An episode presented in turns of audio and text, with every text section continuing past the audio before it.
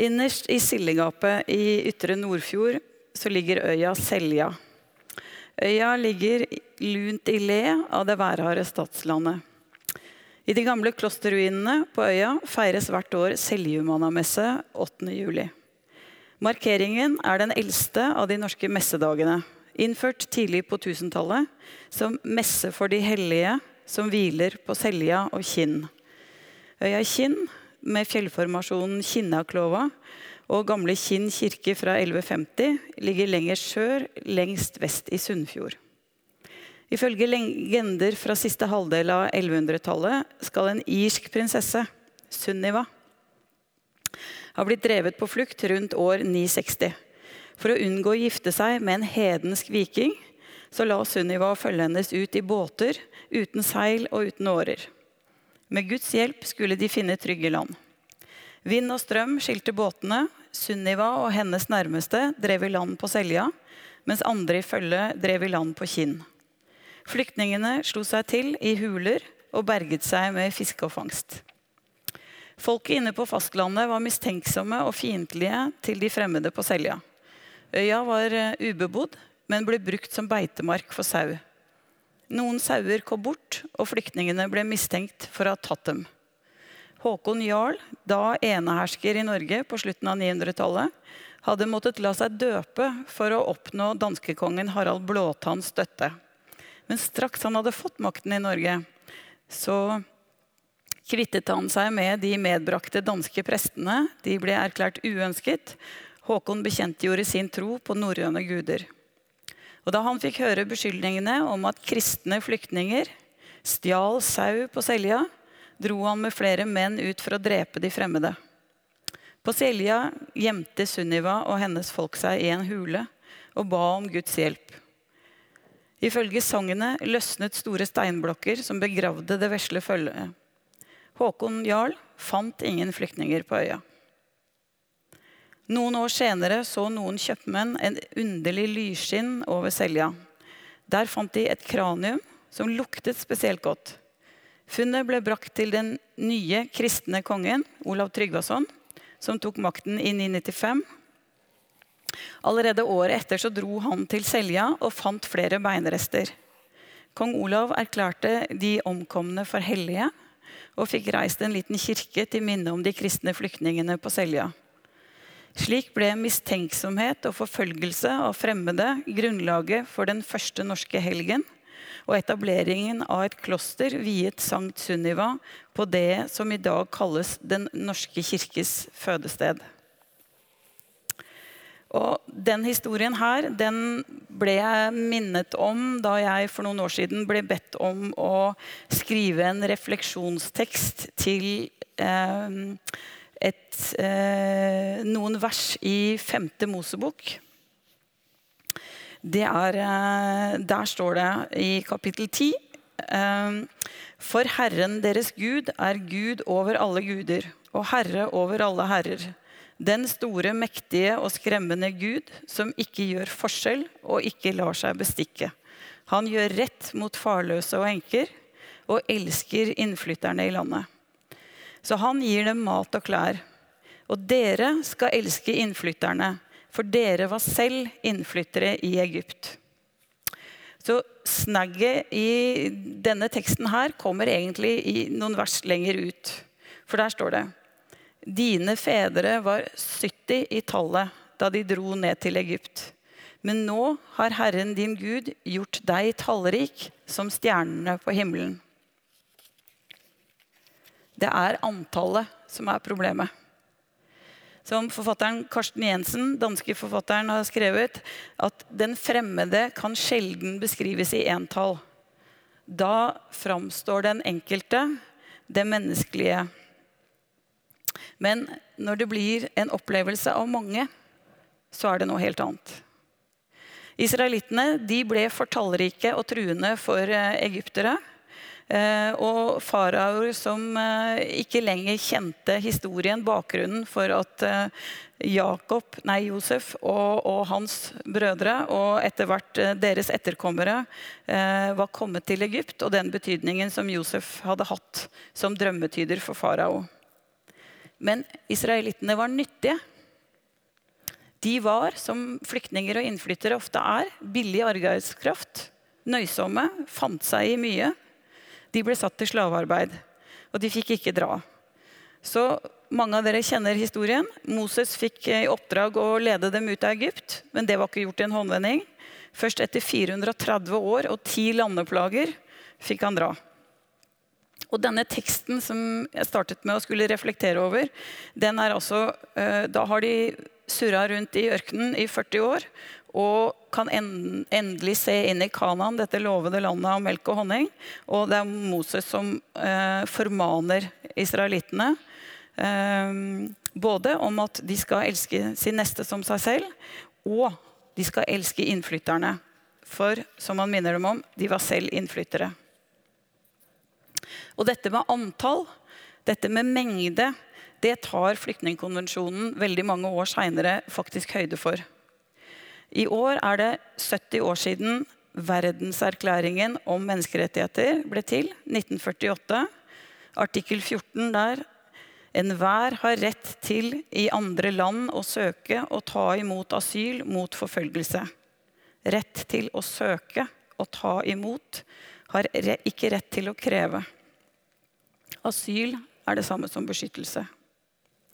Noen år seinere kom flyktningkonvensjonen.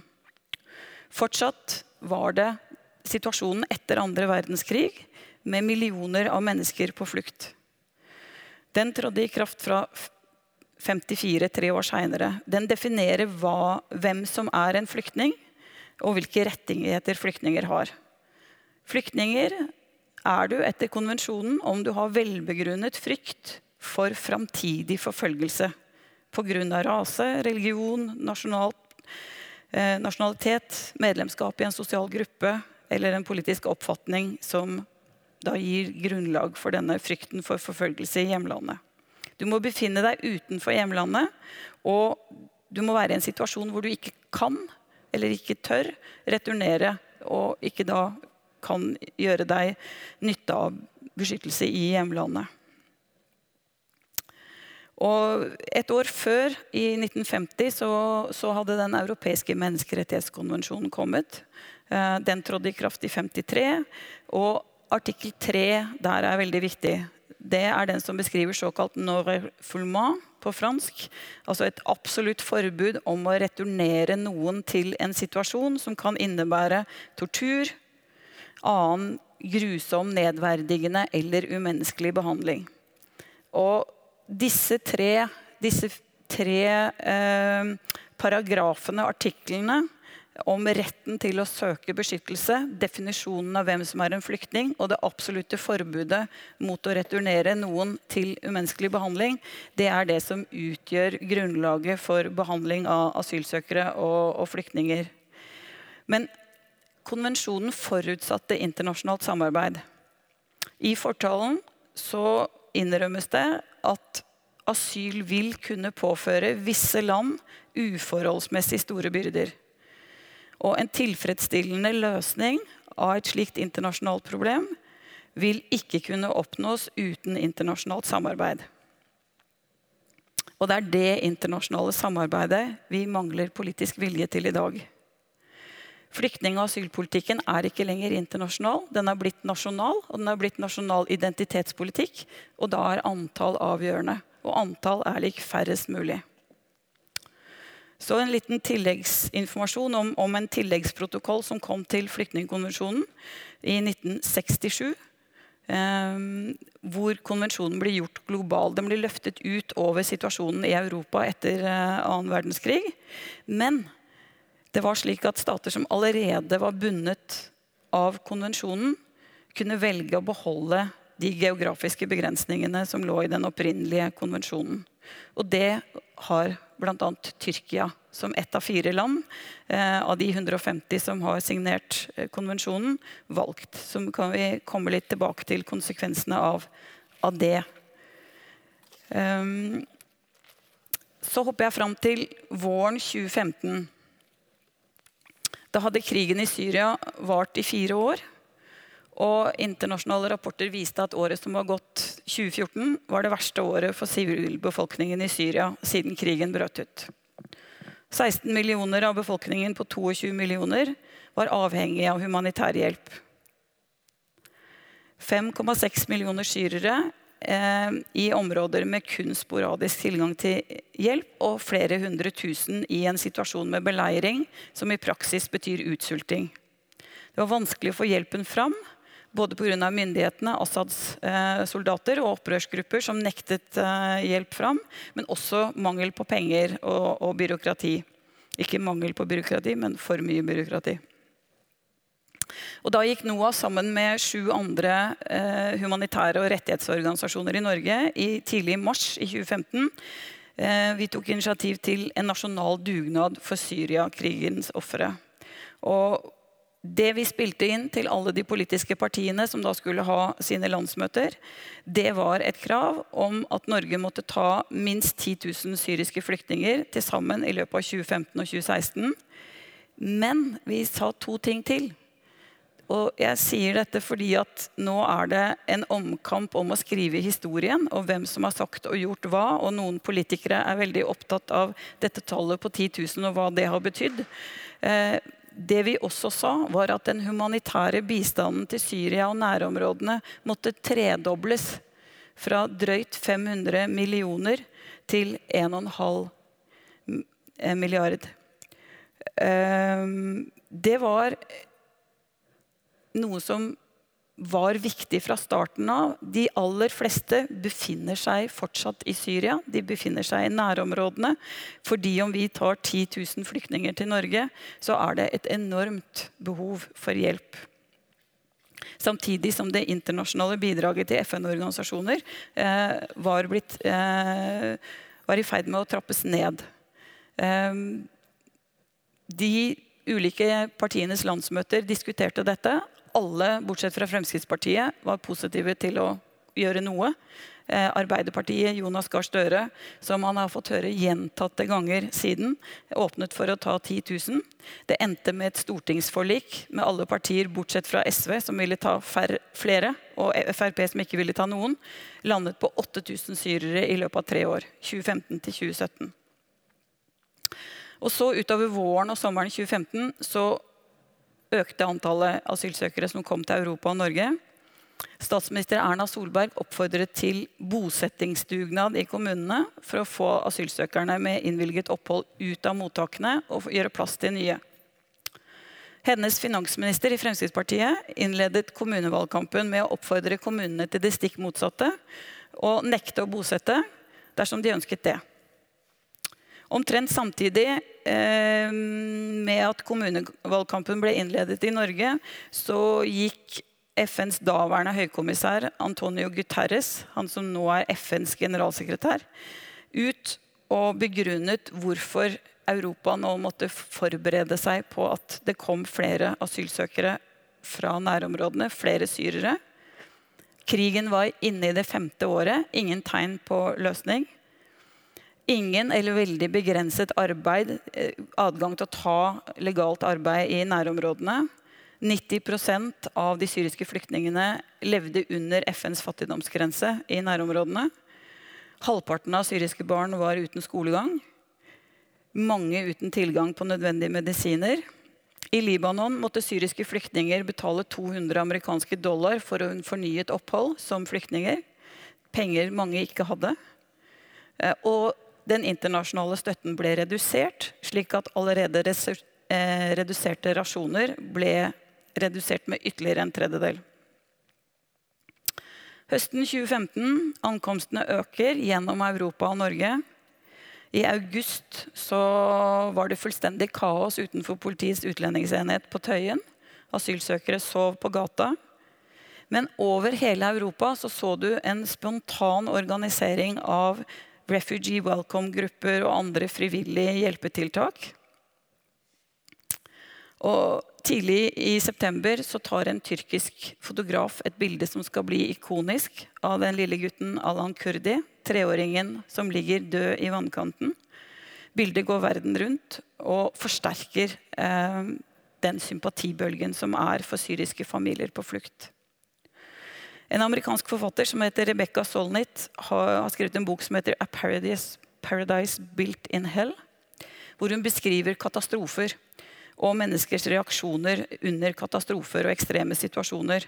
Eh, hun starter med jordskjelvet i San Francisco i 1906 og eh, går fram til eh, den orkanen Katarina i New Orleans ca. 100 år seinere. Og det hun mener å se gjennomgående, er at folks umiddelbare reaksjon er en hjelpsomhet som organiseres spontant, lokalt. Hjelp og samarbeid som er helt avgjørende. Det samme ser Røde Kors og andre hjelpeorganisasjoner som er ute. At den hjelpen som organiseres umiddelbart og spontant, og som alltid skjer, den er helt avgjørende for hvor mange menneskeliv som reddes i den innledende fasen etter et jordskjelv, skred, tsunami, hva det skal være for noe. Og det Solnit ser, mener å se, eh, er at først når myndighetene kommer inn med panikktiltak, så oppstår kaoset. Og hennes første eksempel er da myndighetene satte inn hær og politi med tillatelse til å drepe så ble det alvorlig kaos og en helt uoversiktlig situasjon. Også i Norge så ble det panikk. Norske myndigheter ble grepet av panikk i 2015 på et helt annet nivå enn enn eh, San Francisco i 1906, 1905. Men da Norge plutselig ble yttergrenseland i Schengen, da det begynte å komme asylsøkere, 5500 i løpet av noen få måneder, Eh, inn i Norge fra Russland, da fikk regjering og Stortinget panikk. Regjeringen gikk til Stortinget fredag 13.11. med en rekke ganske dramatiske innstrammingstiltak. Allerede mandag 16.11. blir alt vedtatt. Uten noe høring, uten noe komitébehandling, uten noe som helst av det som pleier å være eh, måten vi gjør lovarbeid på i Norge. Utlendingsnemnda, som ble opprettet som en uavhengig domstolslignende organ, et, basert på faglig skjønn, blir satt under politisk instruksjon fra Justisdepartementet. Tidligere så sto det i utlendingsloven at departementet kan ikke instruere Utlendingsnemnda om lovtolkning eller skjønnsutøvelse. Departementet kan instruere om prioritering av saker. Erna Solberg veldig fornøyd med forslaget hun fremmet i Stortinget fredag 13. Vi skal kunne instruere om bl.a. lovtolkning, prinsippene for skjønnsutøvelse og generelle vurderinger av faktum, f.eks. hva som skal legges til grunn om sikkerhetssituasjonen i det enkelte land. Det skulle altså politisk kunne bestemmes. Det skulle heller ikke lenger være noe krav for at Norge kunne avvise en asylsøker og returnere vedkommende til en annen stat, i dette tilfellet Russland. Det skulle ikke være et krav at vi visste sikkert at asylsøkeren der hadde tilgang til en rettssikker asylprosedyre. Her strøk rett og slett regjeringen en setning til i, i utlendingsloven, hvor det sto at uh, uh, man uh, Eh,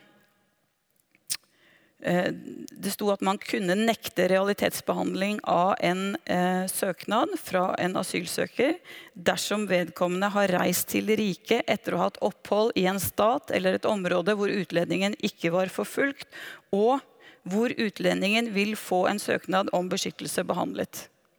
Det visste regjeringen, og det visste Stortinget, at det var ikke sikkert i eh, Russland. Tvert imot var det høyst usikkert.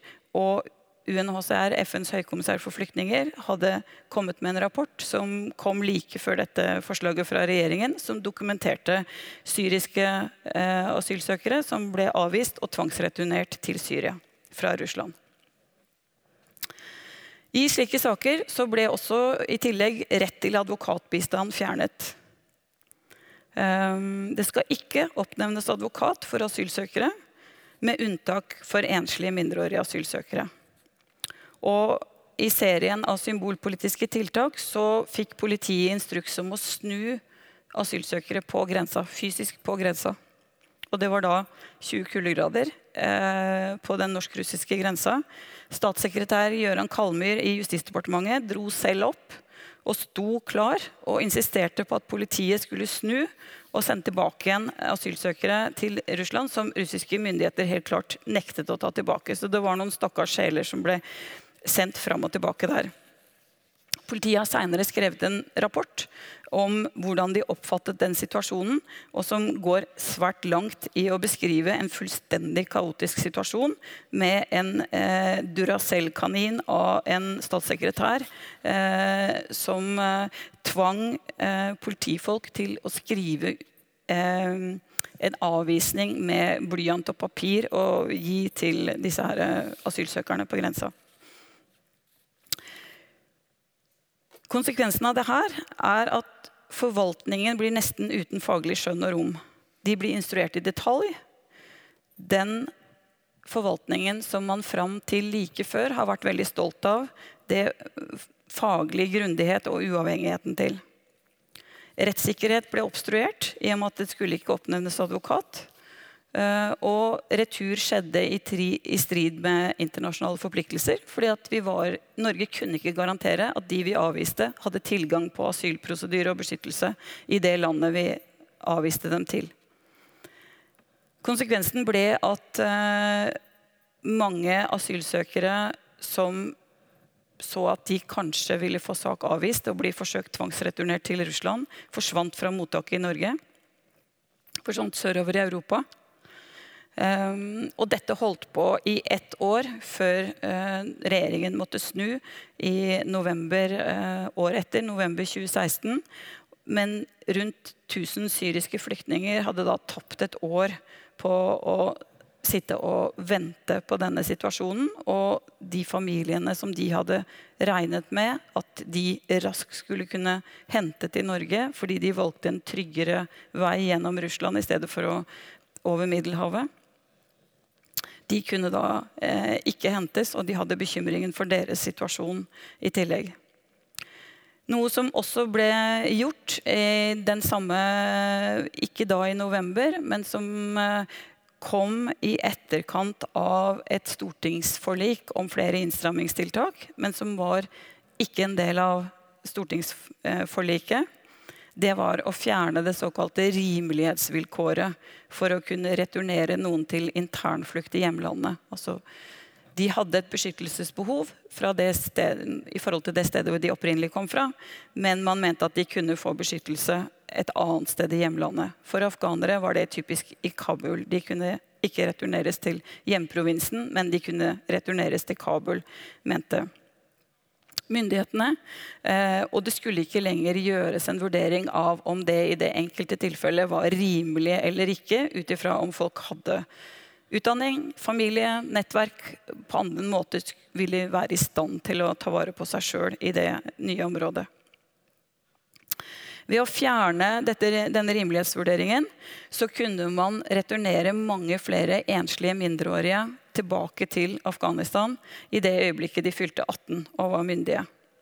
Og eh, denne innstrammingen trådte i kraft fra oktober 2016 og rammet en stor gruppe av det som har blitt hetende oktoberbarn.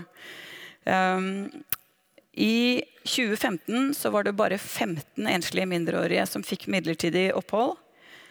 I 2016 økte antallet til 316, og i 2017 ble det 361 før Stortinget satte ned foten og innførte noe som kalles for sårbarhetskriterier, som enslige mindreårige heretter skulle vurderes etter.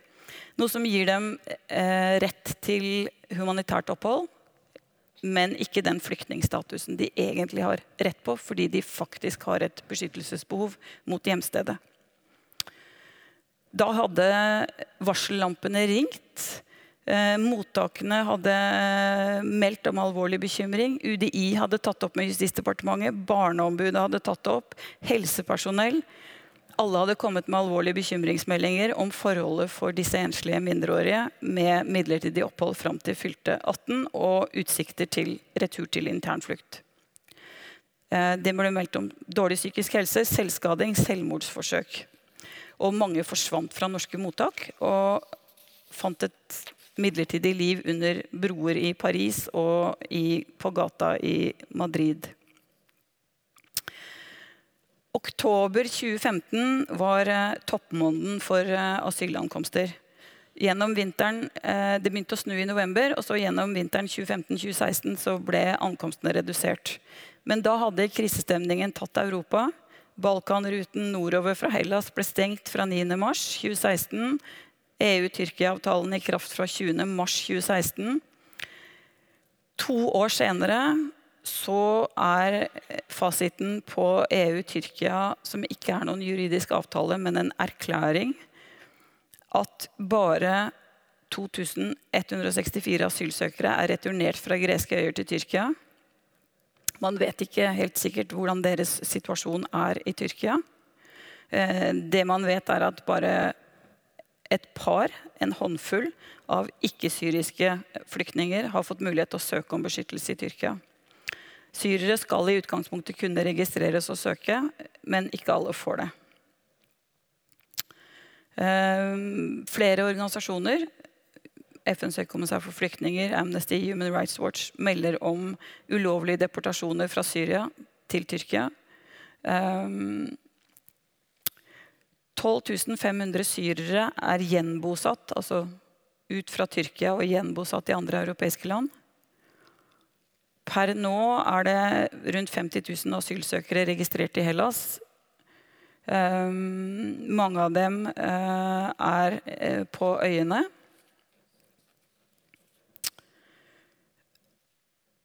Og der er det også foreløpig ikke-registrerte asylsøkere uh, i stor grad. For de skal jo, de som er på øyene Poenget med hele EU-Tyrkia-erklæringen er at de på øyene de skal tilbake til Tyrkia. De skal ikke videre i Europa. Per per 28.10 i år var det 27 000 asylsøkere på greske øyer. Ehm, I løpet av hele i fjor var det rundt 30 000 som befant seg der. For de mest sårbare blir etter hvert barn, barnefamilier. Eh, blir, noen av dem blir tatt videre til, til fastlandet. Men veldig mange blir igjen. I Tyrkia er situasjonen den at eh, 3,5 millioner syrere bor rundt omkring. Bare drøyt 200 000 bor i flyktningleir. For å kunne bevege deg fritt i Tyrkia som syrisk flyktning, så må du ha en midlertidig oppholdstillatelse. Men for å få det så må du ha gyldig pass, noe mange etter hvert ikke har. Enten hadde de ikke i starten, eller dere har utgått.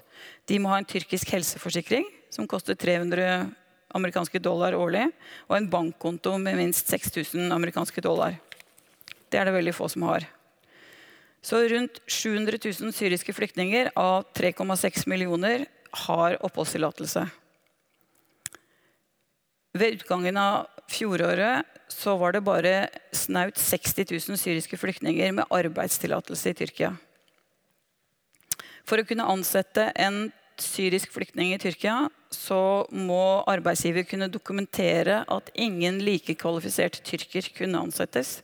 Og maksimalt 10% av arbeidsstyrken kan være syrere.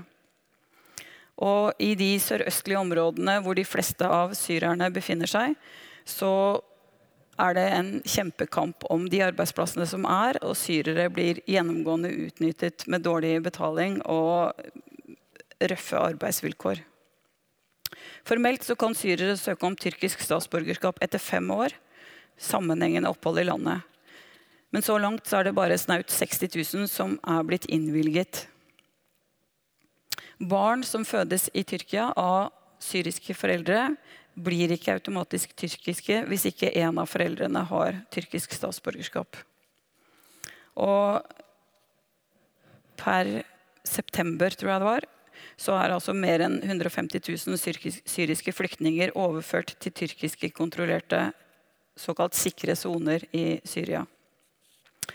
FNs høykommissær for flyktninger kan ikke drive flyktningleir i Tyrkia og har ikke eh, automatisk tilgang til tyrkiske interneringsleirer. Eh, syriske flyktninger i Tyrkia kan søke UNHCR, FNs høykommissær for flyktninger, om å bli registrert som mulig overføringsflyktning til andre land. Der er ventetiden mange år lang, og de siste årene så er bare 1 og under 1% av de syriske flyktningene blitt overført til andre land. Og de hjelpeorganisasjonene som jobber blant flyktningene i Tyrkia, må velge. Enten så forteller de om det de ser, og de beskriver de problemene de opplever at syriske flyktninger har. Eh, eller så får de fornya kontrakt om å jobbe videre. Så langt så ser det ikke ut som det er noen rød linje som Tyrkia kan krysse, som gjør at EU opphever eller revurderer denne avtalen. Og de nye historiefortellingene som fortelles i Europa, det er at konvensjonsforpliktelser skal ikke lenger praktiseres på et juridisk grunnlag. De skal tolkes politisk etter hva som passer politiske strømninger. Det at noen flyktninger klarer å ta seg på egen hånd som asylsøkere til trygt land, blir framstilt som grovt urettferdig overfor de mindre ressurssterke flyktningene som blir igjen. Men de samme politikerne som holder fram hvor ille det er for de virkelig trengende flyktningene i flyktningleirene, de ønsker selv bare å prioritere kvoteflyktninger med størst sjanse for vellykket integrering. Så da er det på en måte ikke de fattigste, de psykisk syke eller de funksjonshemmede med beskyttelsesbehov som de er mest opptatt av når det kommer til stykket. Og en flyktning skal ikke lenger regnes som en flyktning dersom han eller hun flykter videre fra et nærområde. Da er de økonomiske migranter. Eh, argumentasjonen er at de da de, er, de, vil ikke være utsatt for forfølgelse i nærområdene. Det er en sannhet med modifikasjoner. Noen er det og må derfor hentes ut. Eh, men det er helt uavhengig av hvor lenge de skal være i disse nærområdene uten muligheter til å ta arbeid, uten muligheter til å ta ansvar for sin egen situasjon. Det vil si at Hvis en syrisk flyktning som ikke ser noen muligheter til å ta vare på seg selv og sin familie, prøver å flykte videre fra Tyrkia, så blir vedkommende vurdert som en økonomisk migrant, selv om beskyttelsesbehovet er akkurat det samme. Og Dette er jo hele logikken bak denne 'hjelpe dem der de er', betal Tyrkia for oppbevaring, som er i strid med det som er flyktningkonvensjonens grunnleggende formål, nemlig å komme fram til varig bærekraftige løsninger. Enten ved retur til hjemlandet, hvis ikke det er mulig, så integrering i vertslandet eller gjenbosetting i et tredjeland. Og Denne tenkningen ligger også bak dette behovet for å eksternalisere, som heter på fint, altså flytte ut Europas medansvar for flyktninger til eh, Midtøsten, Nord-Afrika Tyrkia tar seg av de syriske flyktningene, i tillegg til Libanon og Jordan. Flyktninger fra Afrikas Horn og fra Afrika sør for Sahara de strander i Libya eller andre land i Nord-Afrika. Og De få som klarer å ta seg over Schengens yttergrense, de foreslås nå returnert til mottakssentre i Nord-Afrika, Midtøsten eller i et europeisk land utenfor Schengen. Typisk Albania har vært nevnt. Um, Poenget er å begrense muligheten mest mulig for å komme hit og kunne søke om beskyttelse. Det høres fint ut når eh, man sier at eh, vi kan bruke veldig mye penger på denne måten på å hjelpe de som virkelig trenger det, der de er. Men det henger ikke på greip når justisminister Tor Mikkel Wara den ene dagen i pressemelding hevder at han har spart 5,9 milliarder kroner på å redusere asylankomster i Norge og bare en ukes tid senere, når han legger fram statsbudsjettet, bare har 250 millioner ekstra i økning til den humanitære nødhjelpen til dem som trenger det mest der de er. Det som er realiteten i det vi gjør, er at vi stenger grensene og avvikler asylinstituttet.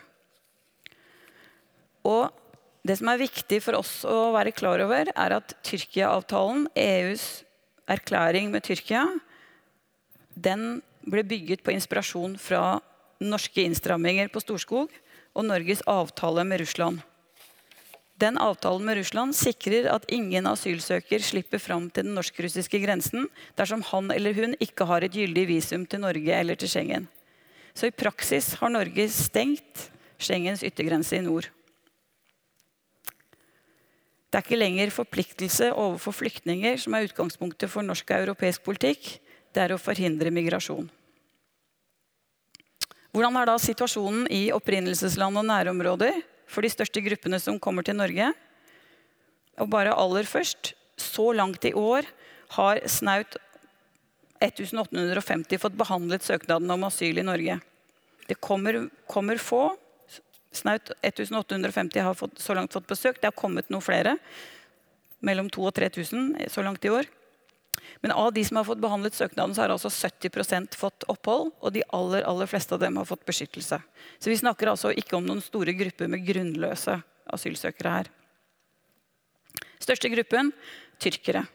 De flykter fra Erdogans utrenskninger eh, av alle som har vært tilknyttet Gylen-nettverket eller jobbet for en Gylen-institusjon. Eh, eller de frykter at de kan bli kobla opp mot Gylen. Der er det høy innvilgelsesgrad, over 90, 90 Og utrenskningene fortsetter. 130 eh, 000 offentlig ansatte har mista jobben. Og bare rundt 5% av de som har eh, appellert om å få jobb tilbake, eh, har fått det. Og militære offiserer og politifolk og andre fengsles. Det er ikke lenger uavhengige medier i Tyrkia, og landet har fengsla flere journalister enn noe annet land. Afghanere er den nest største gruppen. Nylig avholdte valget i Afghanistan ble jo ekstremt blodig. Utsiktene til snarlig retur er derfor ikke gode for mange afghanere. Iran, hvor jeg nettopp kommer fra, har vært i to uker, så befinner det seg en drøy million registrerte afghanske flyktninger og rundt dobbelt så mange uregistrerte. Registrerte flyktninger har en god del rettigheter, kan ta utdanning, høyere utdanning, mens uregistrerte afghanere de utnyttes. Barnearbeid, barneekteskap for å sikre familien medgift er vanlig. Men i 2015 så kom øverste åndelige leder i Iran med et dekret om at alle barn i Iran, også barn av uregistrerte flyktninger, skal få gå på skole, ta grunnskole syv år. Og man kan ikke tvangsreturnere en familie som fortsatt har barn i grunnskolen.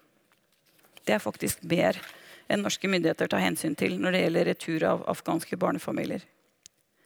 Også i Pakistan er det mange afghanske flyktninger og som med jevne mellomrom returneres. Det er både annen og tredje generasjon.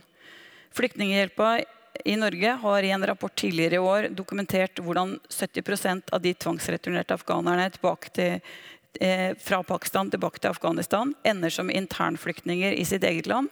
Og noe som fører til sirkelmigrasjon. Syriske situasjonen er akkurat så uløst som den er. Og noe som var viktig da, I september, da Russland og Tyrkia ble enige om å opprette en demilitarisert sone mellom opprørerne og de syriske styrkene i Idlib-provinsen, da var Assad klar til å rykke inn, og mange fryktet et blodbad. Og Grunnen til at de fryktet det, var jo fordi at grensen til Tyrkia var stengt. Det er et viktig bakteppe. Det var ikke noe sted å flykte. Irakere Irak er verdens fjerde største oljeprodusent, men klarer fortsatt ikke å sikre stabil strøm til egen befolkning. 15 år etter at amerikanerne invaderte og Saddam ble styrtet. Er det fortsatt politisk eh, kaos. Det er korrupsjon, og det er spenninger og voldsbruk mellom kurdere og arabere, mellom sunni-minoritet og shia-majoritet. I Europa i dag er syrere og irakere de største flyktninggruppene som krysser landgrensen mellom Tyrkia og Hellas. For landkryssingen er ikke en del av EU-Tyrkia-erklæringen. Mer enn 12 000 har kryssa den grensen eh, hittil i år. Det sitter mange igjen på de greske øyene som kommer seg ingen steder. Et av de verste stedene er flyktningsenteret, flyktningleiren Moria, som er driftet dels med millioner fra norske EØS-midler til Hellas. Det er en leir som er beregna på 3100 personer. Der sitter det nå 9000. Det er De sover under åpen himmel.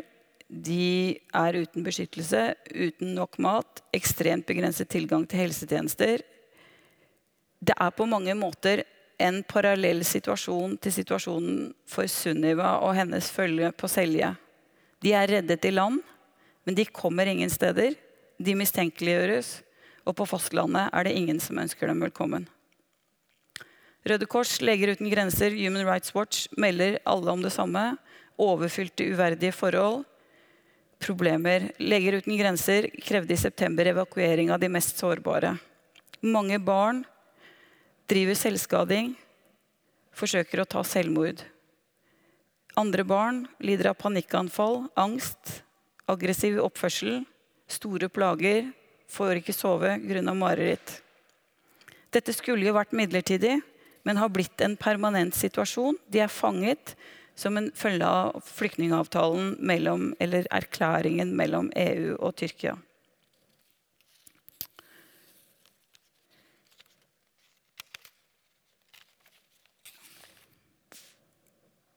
Hittil i år har det kommet 13 000 nye flyktninger til Lesbos.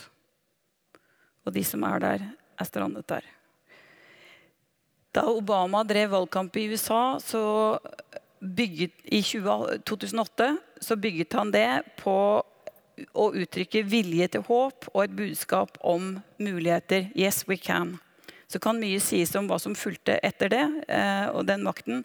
Men noe som er helt sikkert, er at den samme holdningen med vilje til håp, med en positiv eh, utfordring for å se mulighetene, det mangler fullstendig i europeisk og norsk debatt om asylsøkere og flyktninger. Flyktninger søker mot Europa for trygghet og muligheter. Vi oppfatter dem som en kilde til utrygghet og svekkelse av vår velferdsstat. De søker en ny start i et friere samfunn, et fritt marked. Vi møter dem med debatter om begrensninger i velferdsstaten.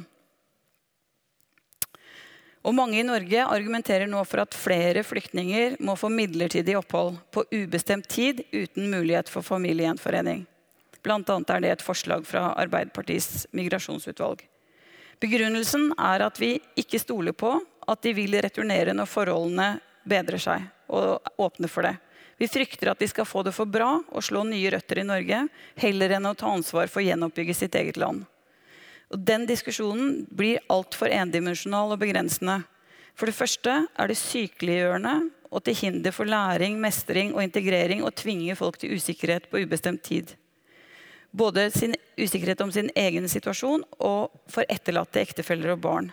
All forskning dokumenterer det. Folk som får mulighet til en ny, trygg start, blir bedre i stand til å ivareta seg selv og er også bedre rustet for retur. Det er vår erfaring i NOAS.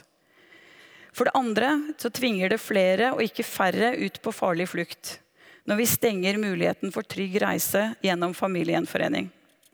Noe som i størst grad rammer kvinner og barn. For det tredje tar vi overhodet ikke hensyn til barns beste, som vi etter Barnekonvensjonen skal i alle beslutninger som berører barn. Dansk Institutt for menneskerettigheter karakteriserer denne formen for behandling av flyktninger med beskyttelsesbehov som en særlig grov krenkelse av børns rett til familieliv. Og dette har da danskene holdt på med nå i tre år overfor sine syriske flyktninger. Svensk Røde Kors viser til hvordan denne praksisen overfor syriske flyktninger i Sverige de to siste årene har ført til økende det svenskene kaller ohelse. Uhelse og hindre traumebehandling som forutsetter mulighet for livslang oppfølging.